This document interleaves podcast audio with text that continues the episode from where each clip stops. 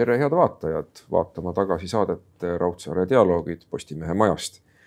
me oleme otse-eetris, tänu sellele te saate täna küsida küsimusi, saates need küsimused emailile raudsaare.dialoogid at postimees.ee. millest me täna räägime? me räägime sõjast ja rahust. me räägime ka kirjandusest, kirjanduse rollist meie elus. tere tulemast, Viivi Luik. tere mul on ütlemata rõõm näha teid siin stuudios. ja kui me räägime sõjast ja rahust, loomulikult ma kuulasin ööülikooli, mis oli selle pealkirjaga, mida ma soovitan kõikidel kuulata. eks see oli natuke siis, ma saan aru, inspireeritud vastava pealkirjaga raamatust. ja ainult mu pealkiri oli tagurpidi pööratud, raamatul on Sõda ja rahu, mul oli Rahu ja sõda.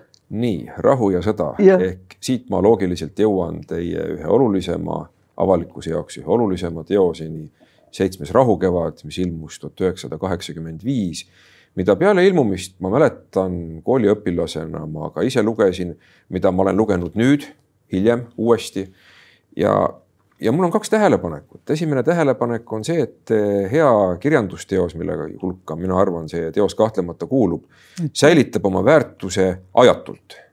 alati on sealt midagi inimesel lugeda ja leida. kuid samal ajal teiseks tulevad mingid uued kihistused uued mõtted, võib-olla ka uued probleemid tõusevad seoses sellega ajaga, kus inimene parasjagu elab, kes seda raamatut loeb. ja toona, kui te selle raamatu kirjutasite aastal tuhat üheksasada kaheksakümmend viis, oli probleem Nõukogude tsensuuriga. et mitte välja öelda tõde, oli karistatav tõde. ja praegu mulle tundub, ei saa ka enam alati öelda seda, mida ma mõtlen, vaid on tekkinud teistsugune niisugune, niisugune oht vabale mõttele no mina ütleksin, ma olengi seda öelnud, kasutades sedasama Jüri Reinvere ühe essee pealkirja, et äh, vabadus olla rumal, see on tegelikult praegu rumaluse tsensuur, rumaluse diktatuur, mis äh, väga palju mõjutab juba meie igapäevast elu. isegi noh, niisugust asja nagu, nagu kultuuri järjepidevus.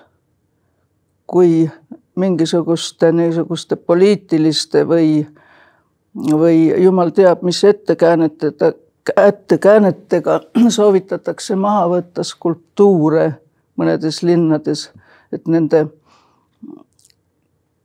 mineviku mõju nagu ei oleks praegu aktsepteeritav, siis see on ju kultuuri järjepidevuse rikkumine rumaluse läbi. no mulle tuleb see väga tuttav tegevus ette neljakümnendatest, viiekümnendatest aastatest, kui ka Eestis võeti kujusid maha, mis olid Vabadussõja kujud, Kalevipoja kuju Tartus ja hävitati raamatuid. selline hungveik pinglikkus, ma ütleksin. ja see oli siis puhtalt noh, räigelt poliitiline ajend. aga praegu see alati ei pruugi olla isegi poliitiline see võib olla, võib olla niisugune noh, jutumärkides headusest tingitud niisugune bar-, barbaarsus. jutumärkides headus, see on üks tänapäeva väga oluline märksõna, just ma rõhutan jutumärkides, mis tähendab pea peale pööratud headus. ehk ühes nii-öelda kategoorias on mindud äärmuseni. täpselt täpselt ja see ongi tegelikult Ungvei pinglik, nagu te enne märkisite. ma näen vanainimest ja ma viin ta üle tee isegi siis, kui ta ei taha sealt kui ta ei taha mingil juhul minna, vägisi viin üle aga kui me nüüd tuleme tagasi kirjanduse rolli juurde ühiskonnas, et kirjandusel on mitmeid erinevaid olulisi rolle. on öeldud, et tänapäeval, no kes enam raamatuid loeb? ma arvan, et Eh, ikkagi loetakse raamatuid ja see roll on jätkuvalt tähtis, kuigi sõnumid, nagu me leidsime, võivad olla eri ajastutes erinevad. no kunagi oli aeg, see oli Vene ajal, kus räägiti, et, et puit materjalina on täiesti oma tähtsuse kaotanud. keegi ei tee enam puust mitte mingeid asju, kõik tehakse plastmassist. aga noh, me oleme selle üle elanud ja näeme, et kõik on vastupidi. Pole kunagi olnud olulisemat materjali kui puit, nagu me täna näeme. niisamuti on raamatutega, paberraamatutega. väga kõvasti kuulutati paberraamatu kadu mingi viisteist aastat tagasi umbes. aga selgub, et paberraamat elab edasi ja järjest rohkem inimesi tahab lugeda paberraamatut mm. -hmm. Ja no mis puutub kirjanduse olulisusesse tänapäeval, võib-olla kirjandus ei ole kunagi olnud nii oluline, kui ta on tänapäeval ja mitte kunagi ei ole olnud nii palju äh,, nii palju ütleme otse rämpsu kirjanduse nime all lettidel. ja selles on ka oma suur vastuolu. Sest et inimestel on hakanud puud, noh, hakkab järjest rohkem välja lööma see, et puudub vahetegemise võime see ei puuduta mitte ainult kirjandust ega, ega kunsti ega, ega tekstide vahel vahet tegemist, vaid see puudutab üleüldse. kas see keskmisena on vähenenud siis, kuna ma väidan, et see pole ju võrdne kõikidel kunagi olnud, see vahetegemise võime. ei, kindlasti ei ole, kindlasti ei ole, aga praegu on, praegu on inimesed ähm, siiski muutunud, sest vanasti olid nii-öelda autoriteedid, kes määrasid selle, mis on hea kirjanduskriitikud, keda kutsuti paavstideks. Need puuduvad ja tegelikult mingis mõttes on see hea, et iga inimene saab ise otsustada oma peaga, mis talle meeldib ja mis talle ei meeldi. aga see teisest küljest ajab ka inimesed segadusse. Terved suured rahvamassid on segaduses, sest nad ei tea, mis nad peaksid tegema ja mida nad peaksid heaks pidama ja mis ei ole hea selline suur segadus tegelikult valitseb praegu igal pool maailmas. mitte ainult kirjanduse hindamisel, vaid üleüldse elunähtuste hindamisel. et see on nagu üleüldine. ja kui see, kui me enne rääkisime sõjast, sõjast ja rahust, siis see omakorda puudutab ka seda teemat, see, et inimesed ei tee vahet sellel, mis peaks olema noh, tõel ja valel ei tee vahet, ütleme niimoodi otse. ja enne suuri sõdu ja suuri katastroofe enamasti ikka hakkab tekkima niisugune hulk inimesi, kes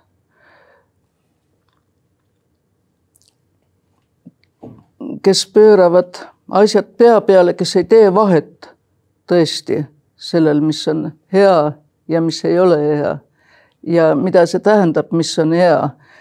noh, ma mõtlen selle all seda, mida lastele õpetatakse, et sa ei löö teist jalaga, sa ei mm, tee teisele seda, mida sa ei taha, et sulle tehtaks. Kõik need kategooriad on nagu pea peale pööratud praegu, nagu ma enne rääkisin jutumärkide seadusest, et see headus iseenesest, et see on ka nagu vägisi peale sunnitud, et sa pead olema hea, mõtlemata seda, mida see tegelikult tähendab.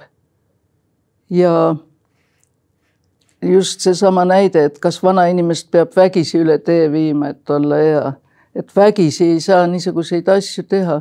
Ja enne sõdasid tekibki just nimelt selline peataolek, selline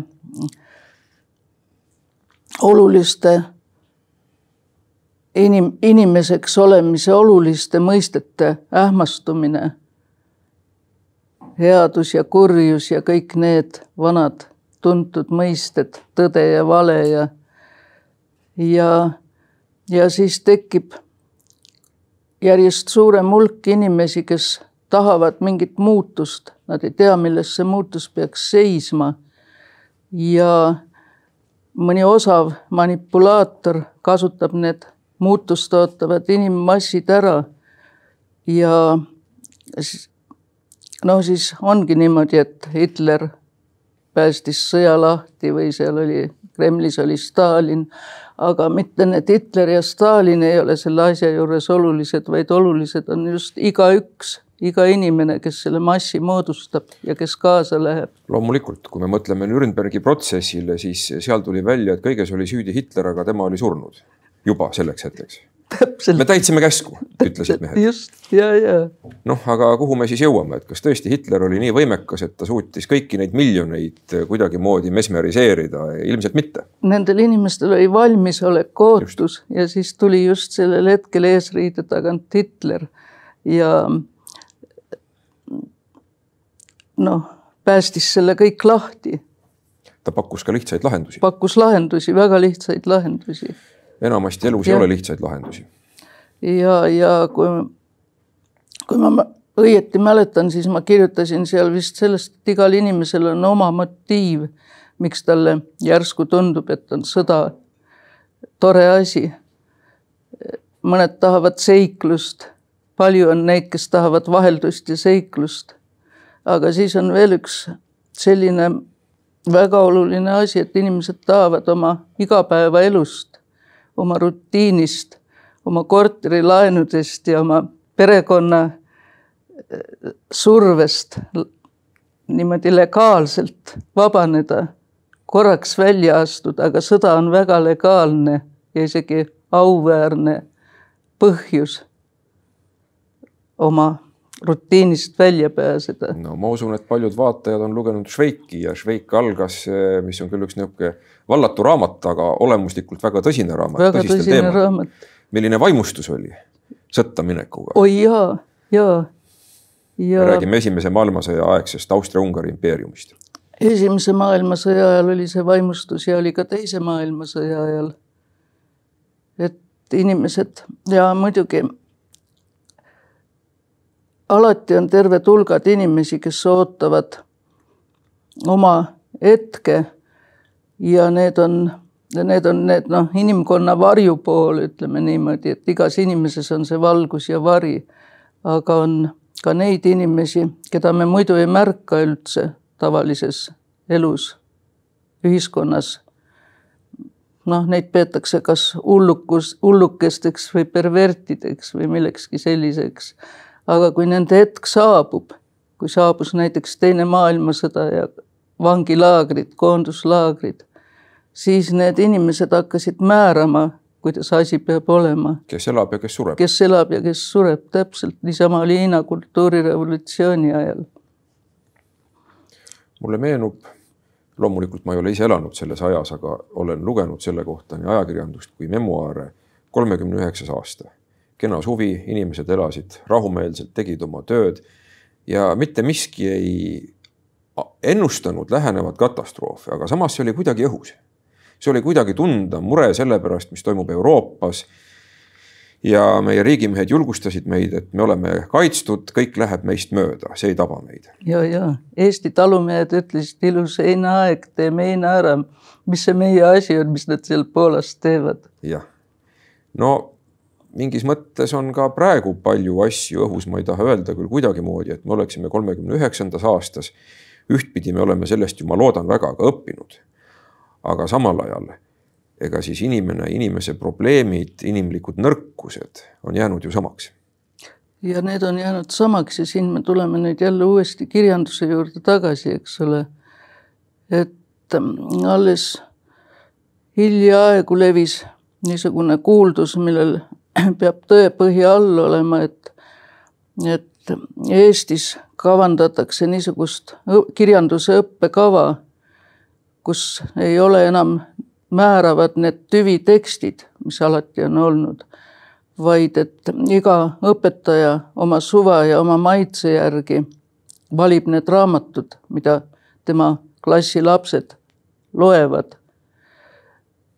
aga see on see on tegelikult täiesti läbimõtlemata asi, kuna alati on olnud tekst, see kirjanduslik tekst, mida maast madalast koolis õpet-, õpitakse kõigepealt luuletus pähe ja siis see jääb alatiseks pähe. ja siis, kui inimene kohtab elus kedagi võõrast inimest, siis see luuletus ühendab neid, see on neil mõlemil peas. aga nüüd seda enam ei ole, see tähendab, see kultuuri järjepidevus lõigatakse järsku kääridega katki.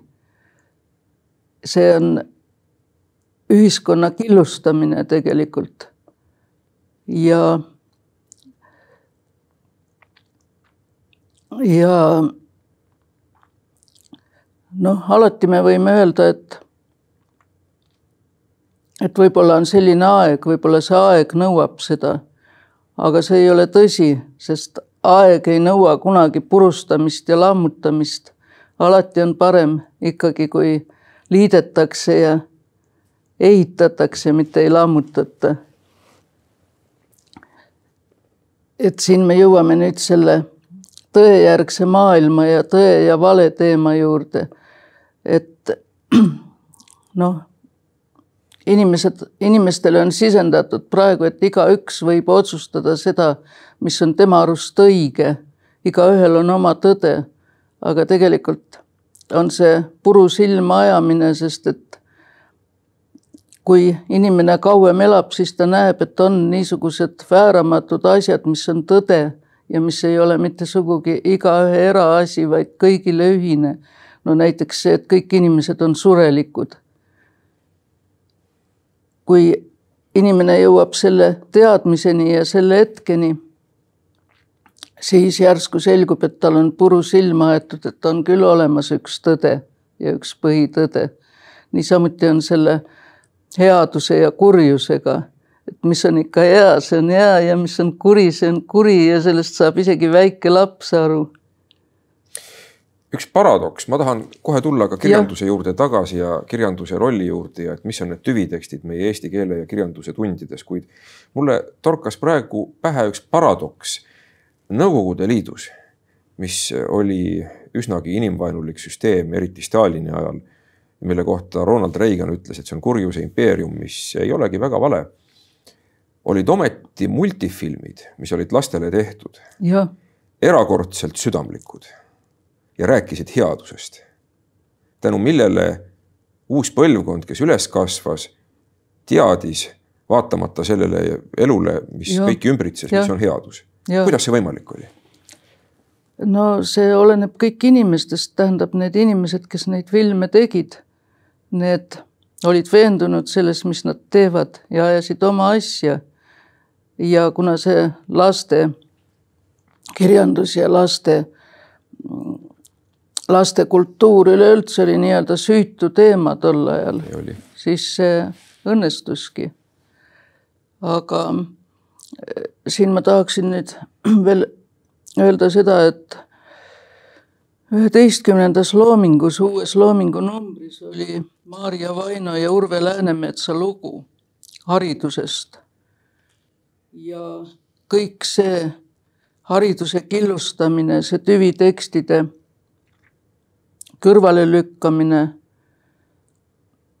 see on hästi kokku võetud siin ühes tsitaadis sellest loomingu loost.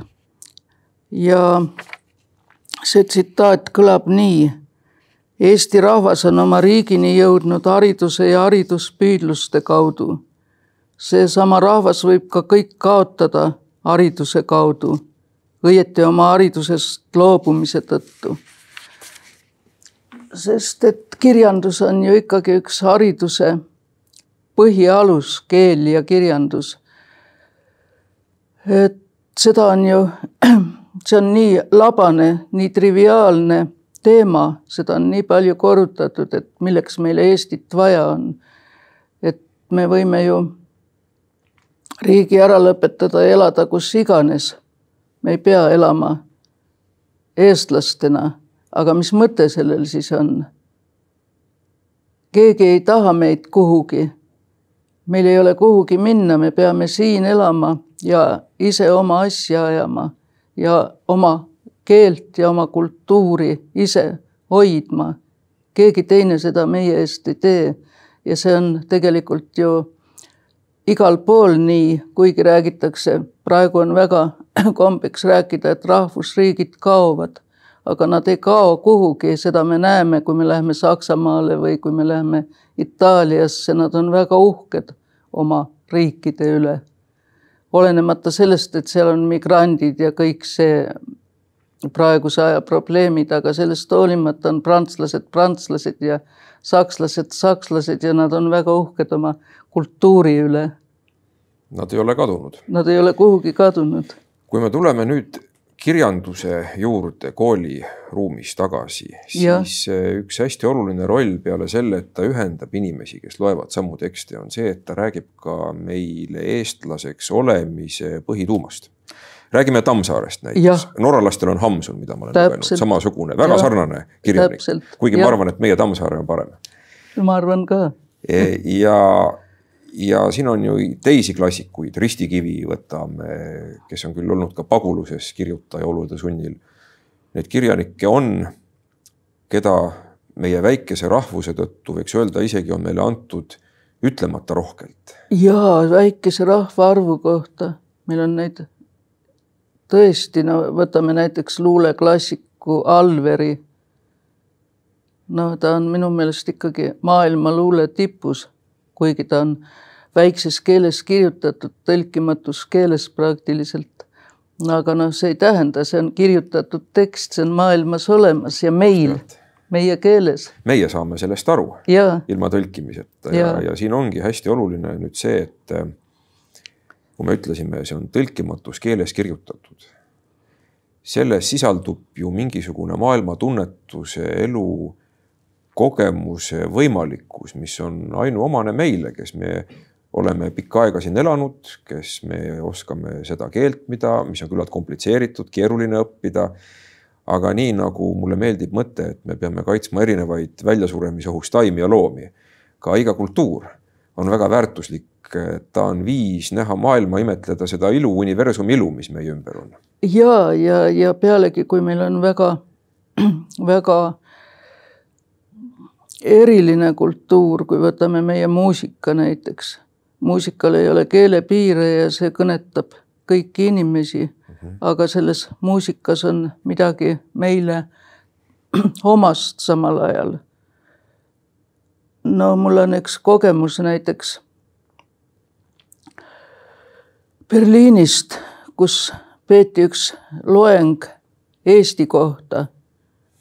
suures kinosaalis publikut oli palju.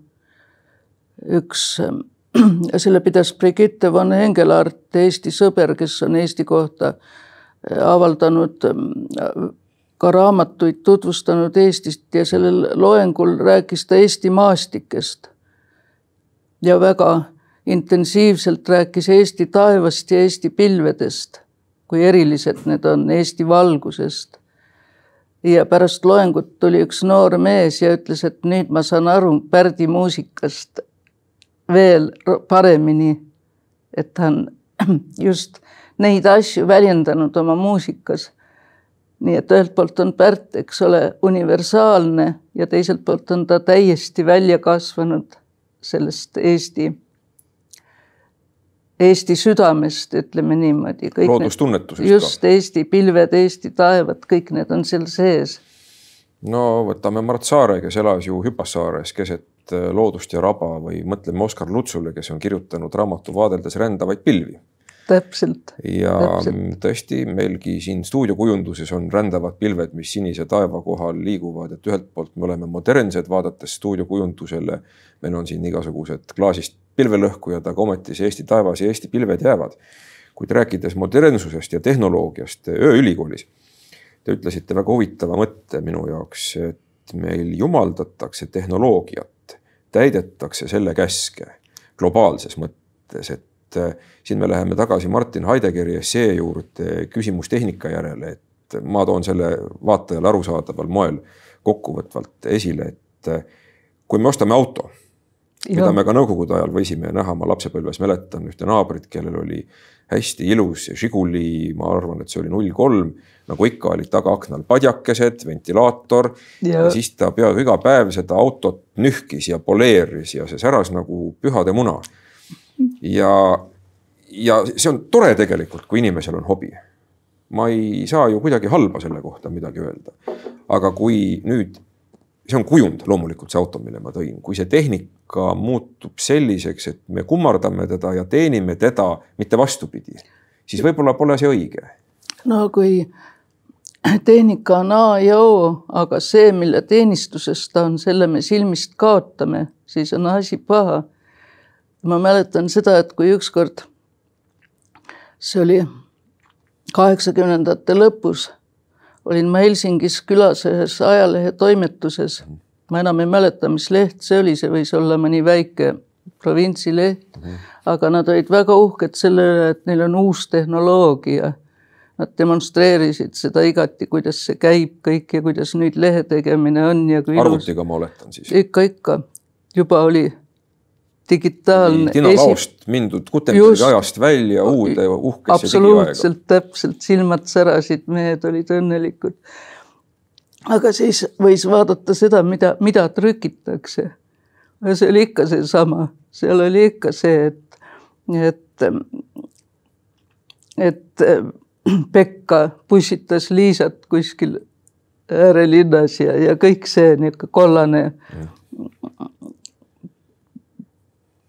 noh, sisu oli, see oligi selline tabloidleht, mingi väike leht. aga noh, tehnika oli võimas.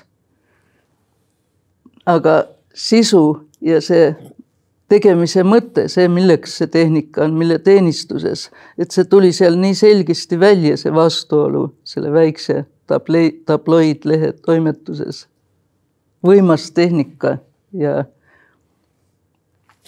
mulle meeldib mõelda võib-olla ma olen optimist, et me oleme selles mõttes ikkagi olemuselt eestlastena targad. et me suudame tehnikast äh, välja võluda, minu pärast mõeldes rehepapi teemadele, kus ka erinevaid tehnikaid kasutati. ja tehnika ei ole mitte ainult instrument, vaid tehnika on ka oskus, kuidas sellega ümber käia. aga muidugi. et, et kui me kasutame neid erinevaid tehnikaid, et me suudame neist välja imeda enda jaoks parima, kui me ei unusta ära oma põhiolemust või seda tuuma või gravitatsiooni keset. no vot, see ongi see oluline asi, sellest ma tahaksingi, seda ma tahaksingi rõhutada, et meil peab olema mingisugune siht, mingi eesmärk, mingi mõte asjal, miks me oleme, mida me teeme, miks me teeme. ja see Eesti kultuur ja selle järjepidevus ongi üks neid sihte, üks eesmärke. ja noh, me ei, me ei tea, mis tuleb, me ei oska seda kunagi ennustada ja see on kõik noh, sõna otseses mõttes rumalus, kui mõned arvavad, et me ennustame tulevikku ja teame, mis tuleb, kunagi keegi ei tea, ikka tuleb see, mida ei oodata aga et me elame siin ja praegu ja igaüks meist peaks püüdma teha seda, mida ta ise suudab selle praeguse olemise noh, inimväärsemaks tegemisel, muutmisel. ja ja just nimelt see, et noh, meie kohustus, ülesanne ongi see, et me oma Eestis ei laseks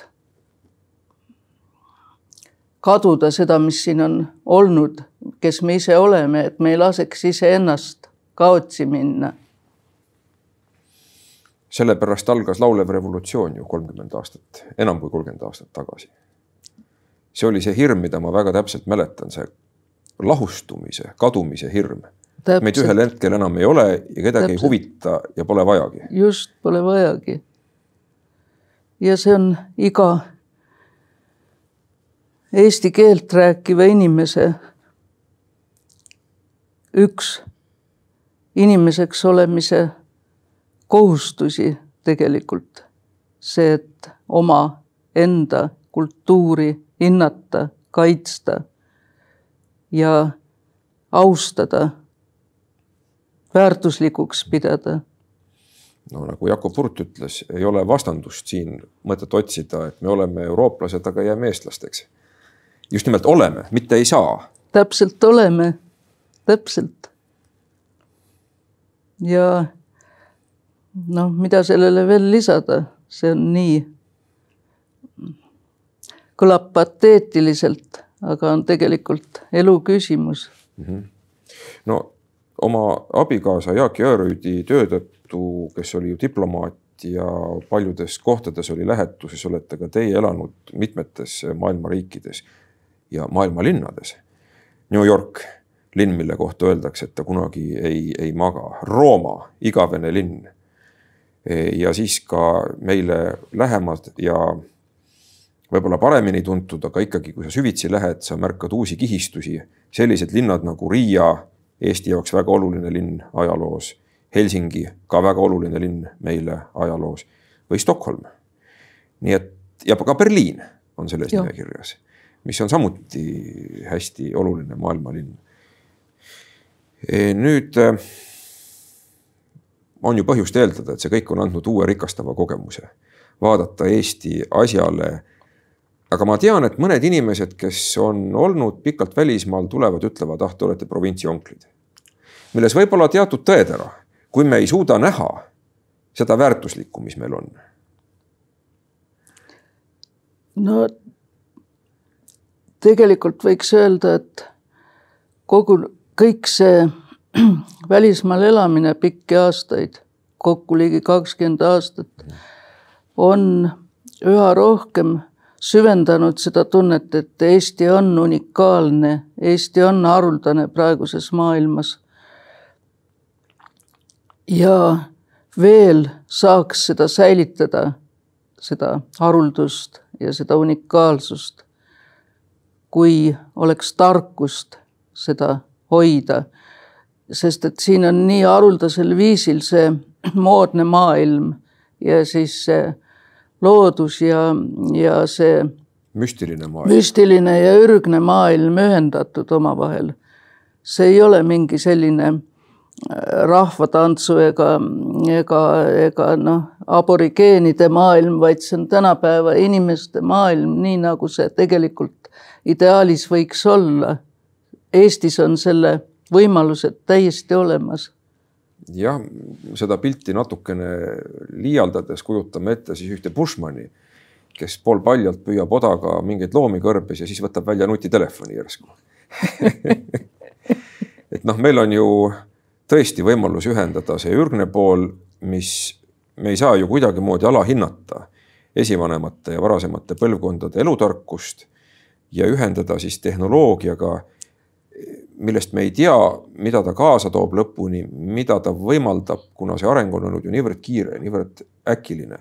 aga me saame selleks valmistuda, tuginedes sellel samal esivanemate tarkusele. täpselt, täpselt. ehk meilt ei lööda jalgu alt ühel hetkel ja, ja teatud mõttes meil ongi praegu kindlam jalgealune ja, ja mingisugune noh, võiks ütelda isegi, et edumaa nende väga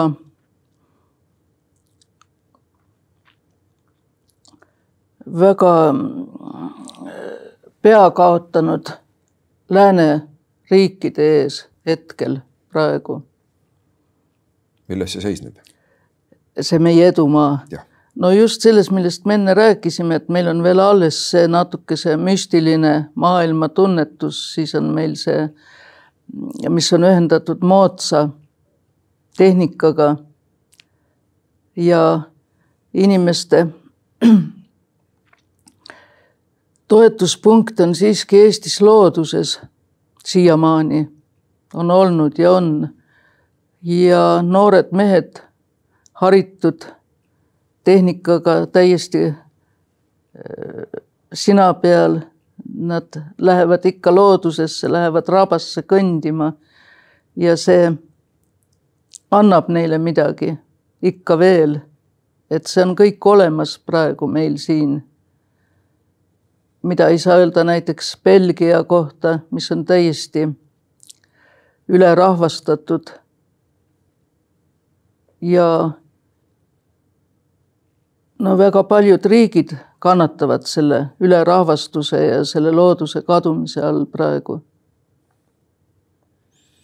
Mm, loodus võib kaduda ka sel viisil, et ta on veel alles, aga temaga kaob kontakt. et seal ei käida enam ühel või teisel põhjusel, et äh, ma lugesin hiljaaegu ühte olulist teksti, et äh, loodus on hakanud taas, õigemini nüüd alles muutumas personaalseks. kui meil räägitakse inimõigustest väga palju, ühel hetkel on hakatud rääkima loomaõigustest, loomi on lihtne personifitseerida, eriti kui nad on inimahvid, nad näevad meie moodi välja. Aga nüüd räägitakse juba ka loodusest kui tervikust, et ka temal on olemas oma õigused. see on väga hea. ja kindlasti, aga samal ajal samal ajal võiks olla ja veel ongi Eestis loodus midagi täiesti iseenesestmõistetavat. ühelt poolt on see väga hea ja teiselt poolt on ka võib-olla halb, sest inimesed ei tule selle pealegi, et see nii iseenesestmõistetav asi võib järsku olla haruldus, võib, võib ära kaduda. see on meie oht see on meie oht just. kuna kõike tundub külluslikult palju olevat, ma võrdleksin seda natukene suve koolivaheajaga, mida ma mäletan kooliajast, et aega tundus piisavalt, et see oli selline noh, nagu piiramatu ressurss peaaegu juuni algul. Kuigi oli teada, et tuleb suve jooksul läbi lugeda üks või kaks raamatut või teha midagi muud, mis ei ole võib-olla meeldiv. mingisuguseid töid või kohustusi võtta. et nii-öelda aega oli küll juunikuus, juulis läks natuke juba kiiremaks. aga augustis mõtlesin, et miks ma ei kasutanud seda aega targemalt aga nii ongi. see on vist inimlik. see on inimlik ja see on kõikide asjadega niimoodi no,. näiteks inimesed praegu veel linnades väikelinnades võtavad suure hooga suuri puid maha, sellepärast tundub, et no neid on kõik kohad täis, kõik aiad ja kõik. nojah, aga kui me vaatame Haapsalut või Viljandit, mõlemad kohad, kus niimoodi puudega käituti, linnapead valiti ju tagasi, nad naeravad, ütlevad, et lollid, näed, meil on õigus ju pealegi. ja muidugi ja see ongi siin, siin me jõuame jälle selle iga üksikinimese rolli juurde. et see oleneb ikka kohutavalt palju rahvast, keda nad valivad ja mida nad tahavad tähendab, et siis suur hulk inimesi pidas seda õigeks, et need puud maha võeti, muidu nad poleks valinud neid inimesi tagasi. no küllap vist, nagu ma tean, olles väikelinnast pärit inimene, et äh, sageli on naabrid kakelnud puude üle, kuna üks pool ütleb, et see varjab minu kartulimaad. ja, ja. ajab lehti, kohutav ja, lugu sügiseti. Ja siis ongi nii, et kui teine naaber on kodust ära, siis see piiripealne puu laks, laks, laks, puud kukuvad, tuleb tagasi, on ainult kännud järel. No ja, ja siis on veel üks asi, mis inimesi teeb natuke ettevaatlikuks puude kaitsmisel, see agressiivne niinimetatud puude kallistajate seltskond. Ja keegi no tavalised harilikud normaalsed inimesed ei taha ennast seostada noh, niisuguse äärmusliku seltskonnaga ja siis nad on pigem vait ja tõmbuvad eemale mm. -hmm see nähtus on ka täiesti olemas. meil oli ju Tallinnas üks puu, mille otsa inimesed ronisid ja kahetasid ennast, samal ajal lõigati teistes Tallinna piirkondades kümneid puid. ja, ja, ja, ja nagu üks mu sõber ütles, et konn ka ei köhi, et noh, nii oli. aga tuleme nüüd mõnede vaataja küsimuste juurde ja loomulikult on siin üks küsimus, mis küsib selle seitsmenda rahu kevade kohta, et kas te praegu kirjutaksite midagi samasugust? praeguses ajas sama, ütleme selle teadmisega, mis, mis praegu on.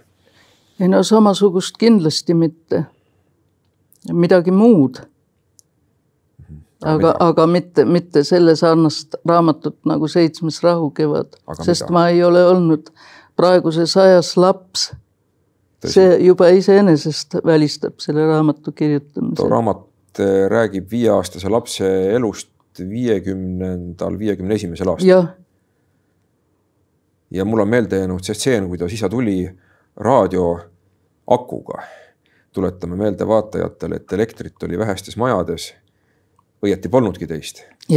ja siis tuli vaja, kuna raadio oli põhimine allikas, kiire infoallikas, oli vaja tema akumulaatorit, mitte patareid, aga just nimelt sellist suuremat akut, akupatareid täita, kusagil käia ja. ja täita.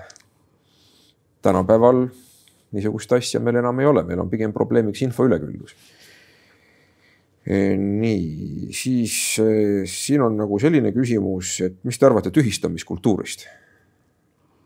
ma ei tea, kas seda saab üldse kultuuriks nimetada? no ma ütleks, et see ei ole kultuur, aga, aga mida selle all nüüd täpsemalt mõeldakse? seda ma ei oska kahjuks ma öelda, aga ma, ma oletan, et me rääkisime siin kujude, et, et ühiskonnas ah, mingi osa, Tõnis Mäge taheti tühistada. ja, ja neid, neid mulle meenub täpselt. Ma olen ise kirjutanud selle asja kohta ammu enne seda tühistamise kultuuri sõna ja. tekkimist ühe essee, mille pealkiri oli Inimese kapike. inimese kapike? jah, ja seal ma no lühidalt kokkuvõttes rääkisin seda, et igal inimesel on oma mingi salajane kapike, tema privaatne,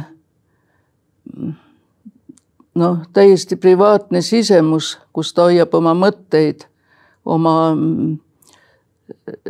kõige salajasemaid tundeid. Ja no ma toetusin seal ühele Tammsaare uurimusele Tammsaarest, mille oli kirjutanud Leonid Trett, kus ta ütles, et et ähm, mõned väidavad, et Tammsaarel ei olnud raamatukappi, aga et tal oli tegelikult kabinetis suur raamatukapp. ja sealt, aga et Tammsaarel on ette heidetud seda, et ta ei põhjendanud selgelt, kuhu ta oma raha pani, et tal oli pidevalt olid tal suured need toetused, aga et kuhu see raha jäi, seda ei tea keegi ja siis ma oma essees kirjutasin seda, et aga et see polegi kellegi asi, kuhu Tammsaare raha jäi. Et isegi kui tal oleks olnud näiteks noh, tänapäeva mõistes narkomaanist sõber ja ta oleks seda toetanud, siis see oleks olnud ainult tema enda asi. Ja sellepärast me ei saa Tammsaaret tühistada. Tema teosed ju jäävad. tema teosed jäävad, kui niisugune asi oleks välja tulnud, mingisugune niisugune noh, asi, mis inimesi oleks vihastanud või ärritanud Tammsaare kohta, siis me, tema teosed oleks ikka tema teosed tema tõde ja õigus on ikka tema tõde ja õigus, sedasama saame me ütelda ka teiste kohta, kelle kohta öeldakse, et tühistame nad nüüd. aga korraks, korraks vaatame mündi teist poolt, et Hamsun käis kohtumas Hitleriga. peale seda norralased hakkasid põletama tema teoseid, proovisid ka omas ajas tühistada teda. just. kuigi just. Hamsun ise mõistis, et ta tegi vea mingi hetk, vähemalt väidetavalt, nii ta oli mõistnud. Mida me sellest järeldada võime? no täpselt sedasama, et Hamsuni teosed on ikka tema teosed. et me ei saa tühistada inimese loomingut, sellepärast et me näeme tema tegevuses või käitumises mingisugust niisugust nüanssi, mis meile ei meeldi. me ei saa kogu maailma kultuuri sellepärast tühistada. Need inimesed võib-olla on teinud asju, mis meile ei meeldi ja kindlasti on teinud mm. -hmm. aga samal ajal on nad loonud midagi, mis kõnetab väga paljusid inimesi, mis tähendab midagi kultuurile. jah, mulle meenub ikkagi see Hiina kultuurirevolutsioon, et me ei saa kultuuri uueks muuta viisil, et me tühistame ja lammutame kõik olemasoleva. siis mitte. hakkame pidulikult uut maailmakorda sellele ehitama, kuna ju kasvõi arhitektuurist rääkides, tellised me peame ju kusagilt võtma. ehk need on siis tõenäoliselt needsamad tellised, mis on olnud enne varasemate hoonete seintes. ja muidugi, pealegi Hiinas ju säilitati kogu selle kultuurirevolutsiooni aja ikka väga salaja neid vanu kunste mm. -hmm. ja nüüd on nad jälle välja tulnud au sees. et see ei käi niimoodi, et vägisi otsustame kusagil, otsustame, mida me jätame ja mida me võtame. meil on jäänud äh, mõned minutid äh, saate lõpuni. kui me, me oleme rääkinud väga olulistel, aga võib-olla filosoofilistel ja ehk ka vaataja jaoks võib-olla mõneti raskesti hoomatavatel teemadel. kui me püüaksime anda meie vaatajale nagu me saate algul leidsime, me elame sellises segases ja keerulises ajajärgus mingi orientiiri, mis teda aitab. mulle tundub, et üks orientiir võiks olla hoida alal niisugust eh, natuke ebamäärast asja nagu talupojatarkus. mitte alati joosta kaasa, natukene mõtelda asjade üle ja siis käia looduses. ja muidugi mõtelda selle üle, et kas, kas need moed, mis tulevad ja lähevad ühiskonnas no nagu ma tõin selle näite, et puidu asemel tuleb plastmass ja raamat, paberraamat kaob ära. et tegelikult peab enne mõtlema, kui ühiskond nende asjadega kaasa läheb ja need, kes ühiskonnas määravad, need peaksid kõige rohkem mõtlema, kuhu, mis suunas liikuda. mulle meenub jutt ahikütte kaotamisest. ja, ja täpselt. mis on täiesti arusaamatu jaburus. see on tõeline jaburus. aga just nimelt, et need asjad, iga üksik inimene määrab selle, kuidas, kuhu ühiskond liigub aga määravad ka need, kes parajasti on kõrgetes ametites. nii et nendel peaks olema ka mõtlemisainet selle üle, et kuidas hoida Eesti kultuuri ja, ja et see on ainus koht, kus meil on olemise õigus maa peal. ja ka rahu. jah. sisemine rahu, kui ei ole ka seda välimist rahu maailmas, aga, aga kirjandus kindlasti on ka üks abilistest. nii et eh, kui vanasti olid inimestel suured raamatukogud, me saame ju tänapäeval käia raamatukogudes, kui ei ole võimalust kõike osta, ilmub ju palju siiski ka head. nii et ka kirjandus on see, mis meid aitab. ja siin veel üks märkus, kui veel aega on, on., vist tähendab, ma tahaksin öelda, et paljud inimesed käivad raamatupoes, lehitsevad raamatuid ja ütlevad, et mis te räägite kirjandusest, kus see kirjandus on. et on igasugused need bestsellerid, naisteromaanid ja nii edasi, aga kus see kirjandus siis on see, millest te räägite, kõrge kirjandus. aga ei maksa ennast eksiteele juhtida, tegelikult on see kirjandus olemas, isegi kui meil Eestis on ütleme kümmekond tõelist kirjanikku, on seda väga palju väikse rahva kohta, hämmastavalt palju.